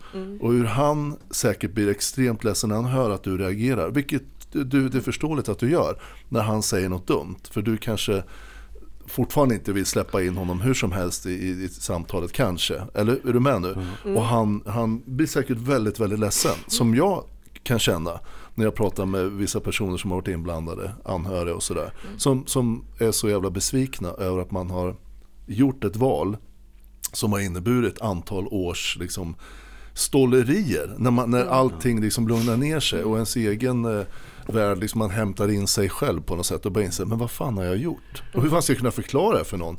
Alltså det, det, ska man förklara, hur fan ska man förklara att man har gjort det, Det här i några år, ett antal år? Som för ditt ex i nio år. Ja. Alltså hur fan ska jag kunna förklara? Jo men jag gjorde ett litet misstag. Men jag tror... Jag, jag tror att... Nu ska ju inte jag säga eftersom jag inte umgås med honom idag på det sättet. Men jag tror att han är lite mer lättsam än vad jag är. Att liksom bara, ja, jag kan inte göra något åt det här utan jag måste försöka nu liksom. Och, Tror du inte det är hans sätt att Det- försöka hantera det? För hur Jo, alltså, man jo, men har han svårt har själv. alltid varit lite mer lättsam än vad jag är. Eh, Men, men jag vet ju inte riktigt. Eh, faktiskt. Men, jo, men tror, abso- tror, ni inte, tror ni inte att människor upplever mig lite lättsam också? Jo. Ja, men, men, men alltså jag har ju, jag har ju beskrivit till er, jag har sagt i podden till barnen, försöker jag förklara till dig Albin, men att jag har ett ok som jag alltid kommer få bära med mig. Och så vill jag, så, jag, jag måste se det så, därför att du blir aldrig av med det här. Jag har lagt ett antal år, först med Eva och sen med Bill ett tag. Och som har inneburit så, liksom, där jag ifrågasätter mig själv, något fruktansvärt. Där liksom hela min existens börjar gunga lite grann. Trots att jag tycker att jag har varit stadig och inbillade mig själv att jag klarar vad som helst. Jag tror jag sa det någon gång. Ja, då får man nog, då, får, då sätts man på prov. Men alltså, nu i efterhand, försöka på något sätt att behålla min jag menar, förhoppningsvis har väl folk som jag känner sen förut, du har någon respekt sen tidigare. Nu har ju du blivit involverad i den här historien på, på ett väldigt, väldigt djupt och Ja. eh, brett sätt också. Men, men som sagt, att klara det själv och försöka behålla en... Det, det, man brottar, man kommer få, jag kommer få ha en del av det här kvar resten av livet.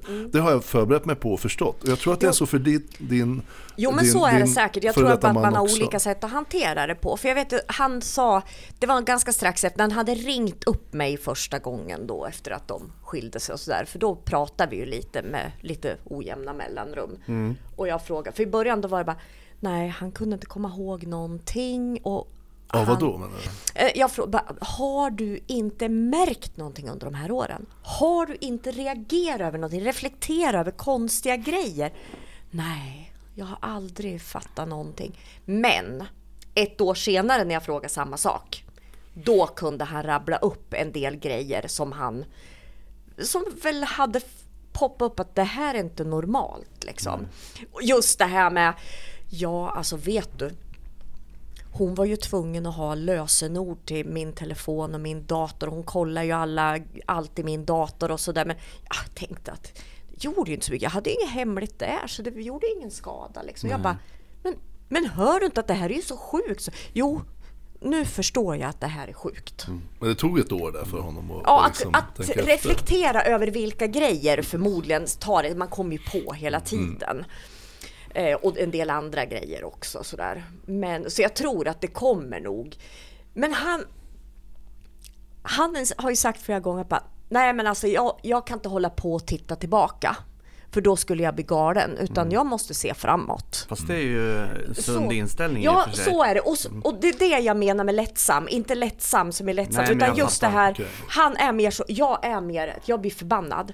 Hur, f- varför blev det så här? Hur kunde det? Vad var det för mekanismer som gjorde? Mm. Jag, jag håller på och rotar i allting. Han gör inte det Ja, men, sätt. men, men jag tänker på... Alltså, Han är det- mycket en, enklare att ha att göra Jag tror med. så här att någonstans i honom så finns ju den här tanken att eh, han var ju the middleman därför att eh, eh, hans fru då eh, fick ju honom att göra saker mot dig. Du är ju den som blir utsatt på grund av honom, egentligen på grund av henne. Så det har liksom gått i flera steg och han är ju fullt medveten om att så är fallet. Sen om det nu är liksom de här tre, om vi tittar på de här tre åren som de har varit skilda har han ju haft tid att reflektera över det här. Det är möjligt att han har dåligt samvete över det här men vet inte hur han ska hantera För vi, vi har pratat om det här som du, det du gick och bar på ganska länge som ett ok. Där man inte vet vad man ska göra av allt det här. Det, det är där jag menar att personer som sitter i sådana situationer, nu behöver det inte bara vara han utan det finns andra som sitter i liknande situationer. Också har det Jättemånga. här man vet inte hur man ska hantera för man vet att man har en skuld i det hela. Men, Och skulden ligger åt två håll. Man sa inte ifrån åt den här och man förde skiten vidare åt det här hållet. Man har varit den som har förmedlat alltihopa. Precis. under en rätt lång period Ja, gjort precis. dåliga val Och som har inneburit som har blivit konsekvenser för människor. av det. Alltså, I det här fallet, eh, mamman till barnen och de gemensamma barnen har ju faktiskt helt... De har ju blivit drabbade på grund av en tredje person. Så. Och eh, när du säger att man får bära på det här att det, ska jag komma tillbaka till den här psykologen jag fick träffa här på, Just det. på via vårdcentralen. Eh, hon sa att det, det finns ju lite strategier man kan använda och så fick jag en hemläxa en gång. Att bara, jag skulle vilja, om du orkar, att antingen om du kan tänka dig att skriva ett brev eh, kan du skriva ett brev till henne? Jag bara, fast jag skulle inte skicka det alltså, Nej, utan det nej, är nej. symboliskt liksom. Och spara ett tag. Jag bara, det skulle inte bli trevligt. Eh, så, hon bara, så hon bara, eller kan du, kan du skriva en bok? Ja, det kan jag göra för det håller jag redan på med. Så det kan jag fortsätta på. Det här, alltså grejen är att det här kommer jag kunna dra nytta av sen. Ja. Jag har ju nämligen här, historia. Det här, kommer, det här kommer att komma ut offentligt så småningom. Inte exakt så här men ja, Nej. i alla fall. Och så hon bara, du skulle behöva berätta det här för liksom. Ja. Eh, och vet, när jag gick där, det var förra våren. Ja. Vintern och våren. Så det är över... Ja, det är ett år sedan. Och bara, jag, jag kände bara, jag kommer ingenstans. Alltså jag kommer fan ingenstans. Hur ska jag göra för att bli av med det här? Hur ska jag göra för att släppa den här fruktansvärda ilskan?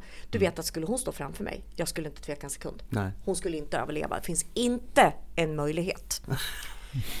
eh, ja, mitt äldsta barn har ju sagt en rolig grej som jag ska berätta sen. Mm. Eh, och då var jag så här, ja men jag ska verkligen, ja men så jag, jag kom en bit, jag skriver ganska mycket. Sen kom ju det här. Mm. När jag började liksom, när vi satt här och diskuterade. Jag reflekterar över för, ja det är några månader sedan nu, att bara, fan, jag har ju sovit ibland på nätterna. Ja, Det har ju varit ett problem med ja att just det, det vet jag. Jag har ju sovit. Jag vaknar ju inte. Jo, anledningen till eh, alla besök på vårdcentralen under en period, det var sjukskri sjukskriven ett halvår förra året också. Det var ju att jag har under jättemånga år, det var, det var innan jag började jobba i Stockholm till och med. Jag vaknar av mardrömmar eh, varje, varje dag. Och då menar inte jag fyra dagar i veckan utan jag menar sju dagar i veckan. Oj. Varje vecka året runt. I många år. Eh, Och ibland då kan jag inte, det är bara att gå upp och ställa sig i duschen för att det, jag vågar inte somna liksom. Sen när vi hade spelat in första poddavsnittet så bara, det- här kom jag på efteråt, inte just då. Nej. Men vänta, var det inte då jag började sova lite? Jag klarade av att gå tillbaka till jobbet. Jag började jobba då i samband liksom igen lite grann. Eh, sen efter andra poddavsnittet då bara, vänta. När drömde jag mardrömmar senast? Nu händer det, ja men lite sådär som alla gör någon gång ibland. ja. Det har försvunnit. Det är borta. Skönt. Och jo, det handlar ju om det här med att på något sätt berätta. Och det var väl symboliskt, hon tyckte skriv ett brev, gör någonting. Men det här är förmodligen samma sak, tänker Ja, jag. det är det. Eh, och bara, gud vad märkligt liksom. Jättekonstigt. Fan vad skönt ändå. Att, du- och att Mm. Så det är en grej det som har släppt, det är mardrömmarna. Mm. Eh, för det, hade jag, det var ju därför jag jobbade så mycket nätter och dygn när jag jobbade i Stockholm. För att jag kunde, jag sov ändå Men fy inte. fan jag vilken, ville inte vilken sova lång liksom. period du har haft Mm. av kämpande. Milda makter alltså. Eh, sen hade jag ju en fullständigt galen arbetsgivare. Fan, det skulle ju kunna bli ett kul avsnitt. Ja. och den berätta hur det vi. fungerar på en brandstation. Egentligen, i verkligheten. Ja. Ja, herregud. Ja, jag, jag, ehm, precis. Eh, Jag hade något så bra slutord här så jag tänkte på, men vi, pratar, vi har pratat så mycket så Ja. det försvinner av. Men det är så många, jag tror att ni som lyssnar med, det är många, många tankar. Och som ni förstår som lyssnar, och vi är med, ni är med här, alltså jag känner igen mig jättemycket. När du berättar och även när du berättar om ditt ex där. eh, Hur hela processen, för det är så ruskigt likt alltså, så att det är helt otroligt.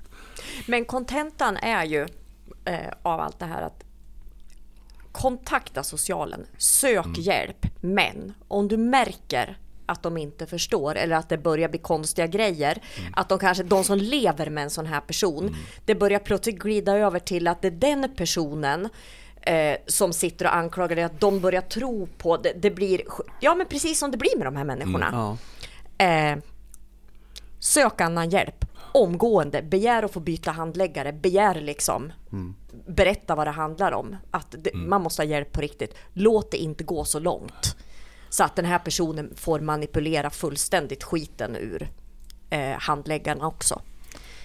Det var det jag satt och funderade på att fråga dig som lite avslutningsvis. När, liksom om man ska summera ihop allt det här. Nu har vi pratat om viktiga saker som, som tusan. Men när kan du säga, du har redan svarat en del på det. När kunde du känna att du liksom tog steg så du märkte att du kunde hämta tillbaks till dig själv? Liksom? För man blir ju, man blir ju en, ens trovärdighet blir tagen på något sätt. De tar din trovärdighet Ja, den finns genom inte att kvar.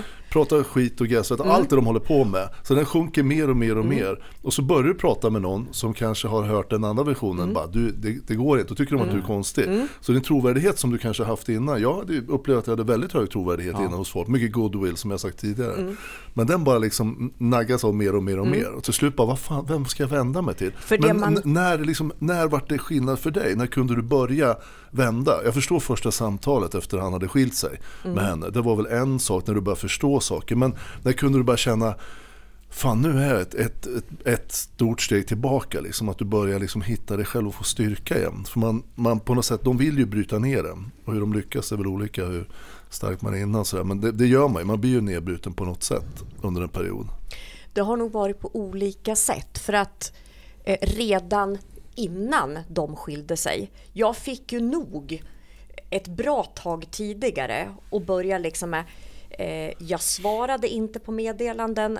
Eh, Jag svarade bara kort, du har inget med mina pengar att göra. Du bestämmer inte över min tid, för det kunde ju också vara så att han började ifrågasätta varför jag jobbade en viss arbetstid till exempel. Varför jag skulle åka till en viss ställe, ett visst ställe en viss dag. Det är bara, du har inte med att göra vad jag gör. Men gjorde du det för att du var starkare eller gjorde du det i ilska därför att du var tvungen att göra någonting för att få stopp på skiten? utan det var nog bara för att eh, jag hade haft en hel del samtal med den här eh, kvinnan på Centrum mot våld. Hon hade liksom eh, lagt fram mycket såna här strategier. Att bara, du liksom. måste förstå att han inte har någon rätt Mm. att berätta för dig vad du ska göra med dina pengar. För det kom ju redan väldigt tidigt, det var ju många år innan de skilde sig, när vi var på eh, familjerätten. Eh, innan det, jag tror att det var det som fick droppen när jag ringde dit, det var ju att om jag påstår när jag hade noll kronor i inkomst att plugga att jag inte kan betala eh, för hockeyutrustning, eh, då ska han se mina kontoutdrag. Då förklar, de förklarade ju för honom att han hade ju ingen rätt att se mina kontoutdrag och inte ens att fråga hur mycket pengar jag har. Eh, men det här, det här kom tillbaka ibland. Man ska se hur mycket pengar jag har. Jag ska bevisa att jag inte har några pengar. Jag ska visa hur mycket pengar jag har. Bara, nej, du har inget med det att göra.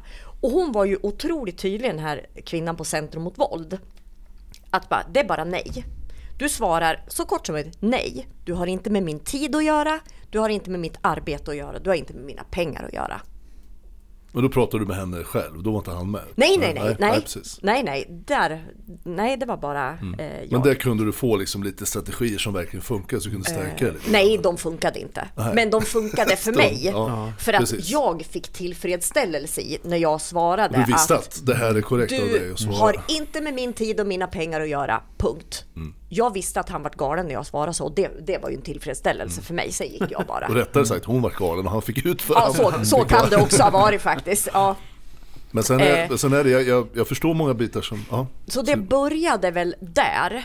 Men sen ska man ju säga att det, varannan dag så ramlar man tillbaka och får ett sms och är tvungen att gå och spy liksom för att man mår så Mm. illa av det, det drar ju igång. Och det, det var ju när jag berättade det som hon konstaterade att jag hade PTSD. Så ska jag säga att det var. Eh, att jag kan ju inte få, jag kan ju inte höra min sms-signal. Jag bytte ju telefon efter när de hade skilt sig också så jag har helt andra Oj, ja, möjligheter precis, till signaler. höra. Ja, precis. Eh, Så nu går det lite bättre. Mm. Men än idag, när jag ser att det är han som har skickat sms, så mår jag dåligt. Trots att jag vet att det kommer inte komma några så här riktiga idiotgrejer. Det händer inte längre. Men ändå så bara, nej vad fan är det nu liksom? Mm. Bytt stresspåslag direkt. Ja. Men i övrigt, där att bara trovärdighet. Jag är inte säker på att jag har funderat över det någonsin, om trovärdighet. För jag har vetat att mina vänner vet att det här har aldrig hänt. Det här är rena jävla påhitt och det är han som är en galning. Eller nej, men beter sig ja, som en galning. Eh, Så jag har vetat att de vet. Jag kan utgå från mig som vän. Eh, Jag har ju aldrig tvivlat på din trovärdighet. Utan som vi har pratat om tidigare, jag reagerar med, men vad är det som händer? Eh, och jag ser ju att det, är, det här kommer inte från honom, det här kommer från Assa, för det här är ju helt galet, så här är inte han. Och det har ju vi pratat om många gånger. och det här gör ju det att du sitter ju i en kanske lite unik situation så tillvida att du var ju inte den som levde med en narcissist som gick och spred ut lögner bland dina vänner. För den här hamnade ju bara hos dig genom honom. Så att det var du själv som blev drabbad. Vi som vänner runt omkring fick ju bara några få av oss fick se det här och fick veta hur det var. Många andra vänner runt omkring har inte en susning om vad som har hänt. Du är ju samma gamla Lotte när du eh, liksom träffar dem för att de inte vet vad som har hänt. Men det finns ju som andra då som sitter i, som i din situation Stefan, där, där man har vänner och gemensamma vänner med narcissisterna i fråga som då går omkring och gör en smutskastningskampanj och sprider lögner. Precis. Det är där trovärdigheten sjunker till botten. har... eh, Jag tror inte att det har hänt så mycket i mitt fall. I sådana fall är det till människor jag själv faktiskt inte umgås så mycket med så att det inte spelar så jäkla stor roll. Hans vänner Hans vänner ja. som känner Ja. dig. Ja. Eh, för att ehm, hans gamla vänner, många av dem, väldigt mycket tjejkompisar hade han när vi Ja. träffades. De umgås jag med idag. Ja.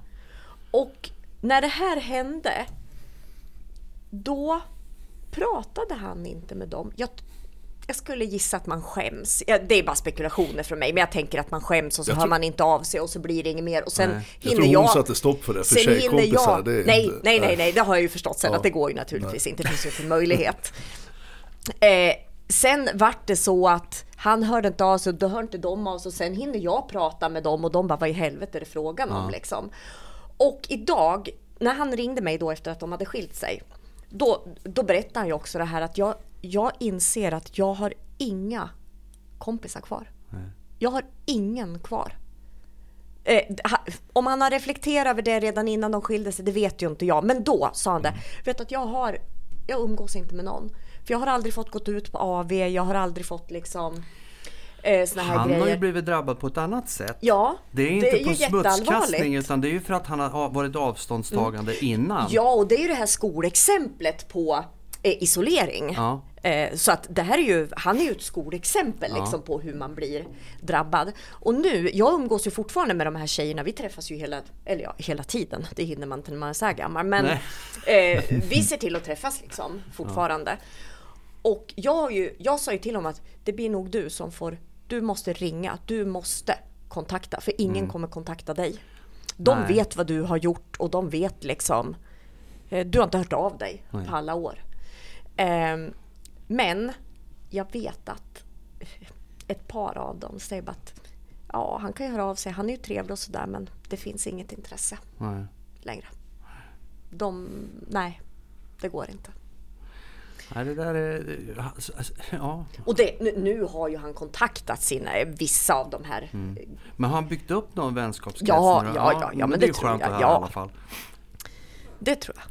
För det Och- där är ju också ett jättearbete att lägga ner för att försöka labba, la, Mm. eh, lappa ihop sitt eh, sociala nätverk. Som man, man har ju ett socialt nätverk. Jag kan bara ta ett exempel på det här, att tappa ett nätverk. Hur svårt det är. För att jag har gjort det i en helt annan situation.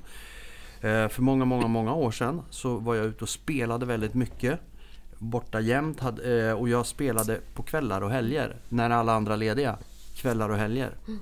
Jag träffade knappt några, knappt min familj. Och sen höll det här på att snurra runt i flera, flera år. Ja, du vet ju om det här Lotte. Så, eh, det innebär att jag hade några få enstaka som jag kunde träffas. Och det var ju då det var dig och några fler inom fotograferingen eftersom vi hade det som ett gemensamt intresse. Men det var också en grej som tog mig från mitt andra nätverk. Så. För att komma tillbaka till det där tog ju många av Och det var också det här, jag måste ringa till folk. Tala om att hej, jag står på benen, jag är här.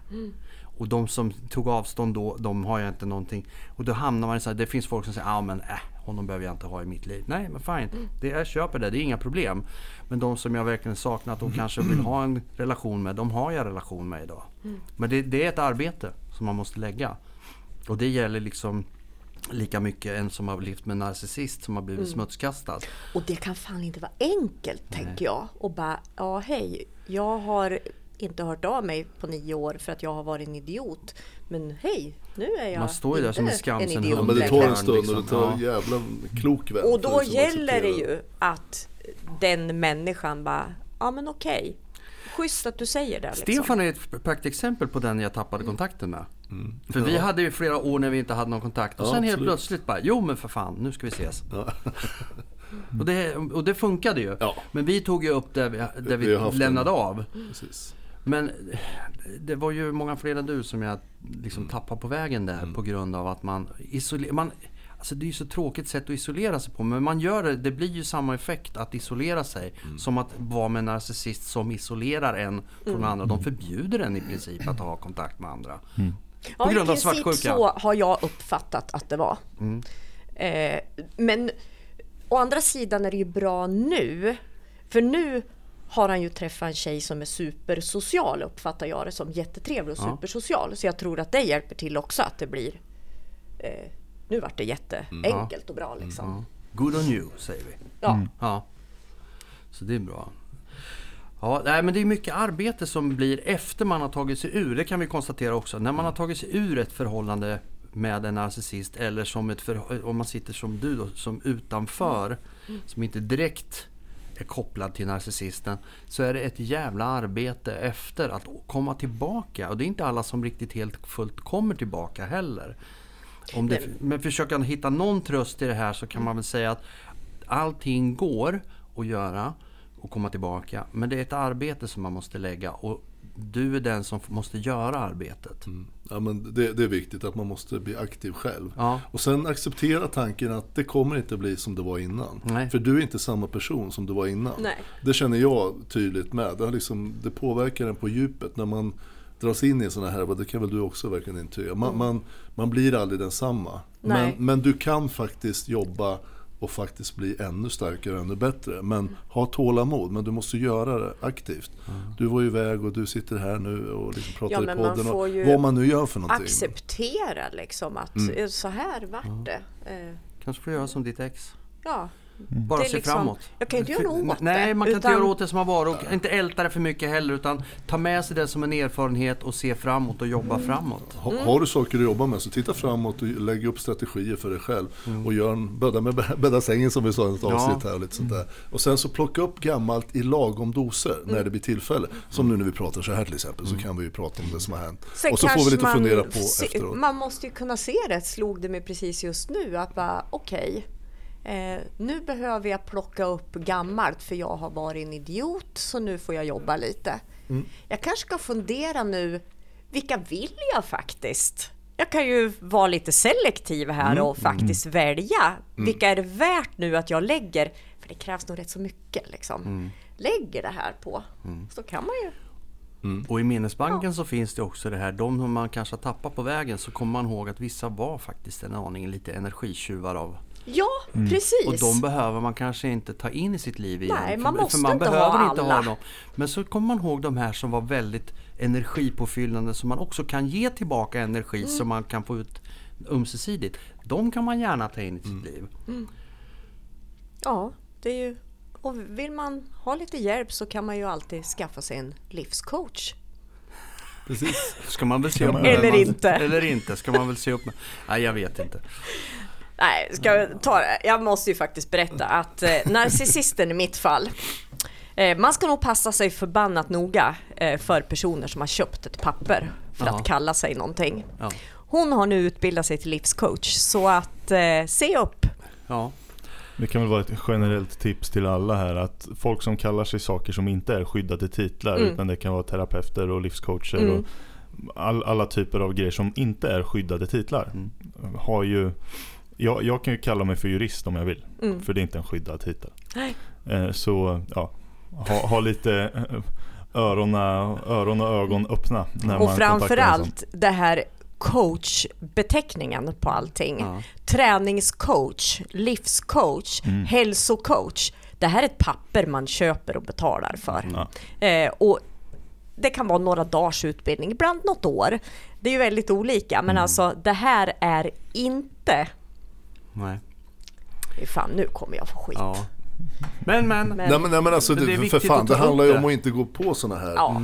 För Eh, här Stollar som en del är, en del är ju jättebra men kolla upp och som jag sa alldeles nyss, här, var försiktig och kolla upp och, och öppna inte det första Nej. utan att du överhuvudtaget vet något om personen. Låt mig säga en sak. Någonting som vi har märkt under den här tiden som podden existerar genom alla som, eller jag ska inte säga alla, men många av dem som har hört av sig som har råkat ut för sånt här har erkänt själva och eh, att de har blivit en väldigt lättpåverkad och svag människa så att de är, har lätt att gå in i i olika fällor. Det är därför det kan vara viktigt att också vara selektiv i vissa saker. Eh, vi har nyss fått en historia om en som har råkat illa ut. Som vi, ska, vi kommer ta upp det här eh, lite längre fram. Men har blivit manipulerad av en sån här, inte livscoach men något liknande. Mm. Som har ja, blivit av med massa pengar. Ja. Vet du vad jag hörde igår? Alltså, fan det bara spårar ur ännu mer. Mm. Igår, av en händelse, fick jag höra en historia om en människa som, vad jag uppfattade som, nu ska man inte ta det här som helt, eh, uppfattade som, hade företag, väldigt god ekonomi eh, och behövde anlita en jurist på grund av företaget har jag för mig. Alltså, och det, då är det ju inget konstigt, det behöver man ju ofta. Ja. Det här har slutat med att den här juristen manipulerar, alltså eh, den här eh, företagaren har blivit så manipulerad av med pengar. Ja, ni förstår ju. Oj, ja. Ja, det fin- finns. Och då börjar jag fundera över, det är en kvinnlig jurist, och då börjar jag fundera över de här du har pratat om, jag kommer inte ihåg namnet på dem. Som jag har pratat om. Eh, Du har ju pratat om i podden. Eh, En jurist, Nej, eller? nej, nej, förlåt. Eller- Inte jurist utan eh, ekonom, revisor. Revisor Ja, är det det, ju du ja. har pratat om. Eh, då tänkte jag fel. mm, Okej, nej men för fan. Det, Ja. det, var försiktiga med vilka ni... Ja, För de, de, som, eh, de som är den här typen av människor, narcissister, de är så duktiga. Mm. Första mötet märker du ingen skillnad. Så ta inte bara, det kändes jättebra. Vi satt i en och en halv timme och pratade, det här Mm, blir just jättebra. exakt. Och, och jag känns det så bra, var extra försiktig. Det har vi sagt tidigare. gå Var inte det. från en narcissist till en annan, Nej. kan man väl säga. Så kan man säga. Det för det är ju ofta så här att narcissister dyker ju också upp i sådana här situationer där de är eh, självupplevda, eller vad säger jag, de är ju... De är nästan, Självpåtagna experter. Ja, det är ju precis, de som kan skulle- bli. Ja. Det är de som kan bli coacher och Ja, experter precis. på allt möjligt. För Så- det är de ju per automatik på något vis. Ja, så nu kommer vi få hela coachbyrån på oss. Men, men Jajamän. det kan ni, ni får gärna höra av er om det Nej, men skulle de, vara så. Men, är, eh, är det sund, eh, vet de att det här, ja, det är de finns, sunda det, så det vet de att det här finns stämmer. också, det ska vi säga. Ja, det, men du Ja, gud, behöver ja. liksom, Ja, man ja, behöver Det är ungefär som vi pratade om, om präster förut. Det finns dåliga och bra präster. Ja, ja, Ja. ja, absolut. Så Det är det. Men när man... De här rötäggen som kanske är ett fåtal, kanske fler, de förstör ju liksom för en Ja. hel bransch. Det är ju samma som runt nyår, man Ja. ser alla dessa självpåtagna personliga tränare som Ja, just det. erbjuder Diverse tjänster. diverse tjänster. Ja. Ja. Hörni, det här har varit kanonroligt. Vi behöver runda av lite grann känner jag. För att det här kommer ju finnas fler tillfällen att ta upp. Det, det kommer alltid massa bra. Och det här med brandstation. Och gud, gud Ja. vad det skulle Vi röra lämnar till. med att Lotte får en hemläxa och ska ta reda på den här laggrejen. Mm. Och eh, vi säger tjingeling och hej då och tack för idag. Tack för idag. Och så lämnar vi ut ett litet löfte att det kommer lite heta uppgifter som har kommit in. Just ja. angående podden här, det är den som startar med Ja, vi- rörande de inblandade personerna. Det kan vi garantera till nästa podd. Ja. Så. Vi har ju sagt förut att vi ska inte ta upp mer än vad vi behöver på grund av Precis. utredningar och allt Men- annat. Men vissa saker Nu har det är- kommit in lite är spännande. lite heta potatisar som behöver tas upp. Och den här är skållhet kan vi säga. Men tack Lotte för idag. Ja, Kul att du stort är här tack. igen. Ja, tack Vi själva. syns säkert snart igen. Ja. Ja, gör vi. Var rädda om er allihopa. Ha det gött allihopa. Hej då. Hej. Hej då.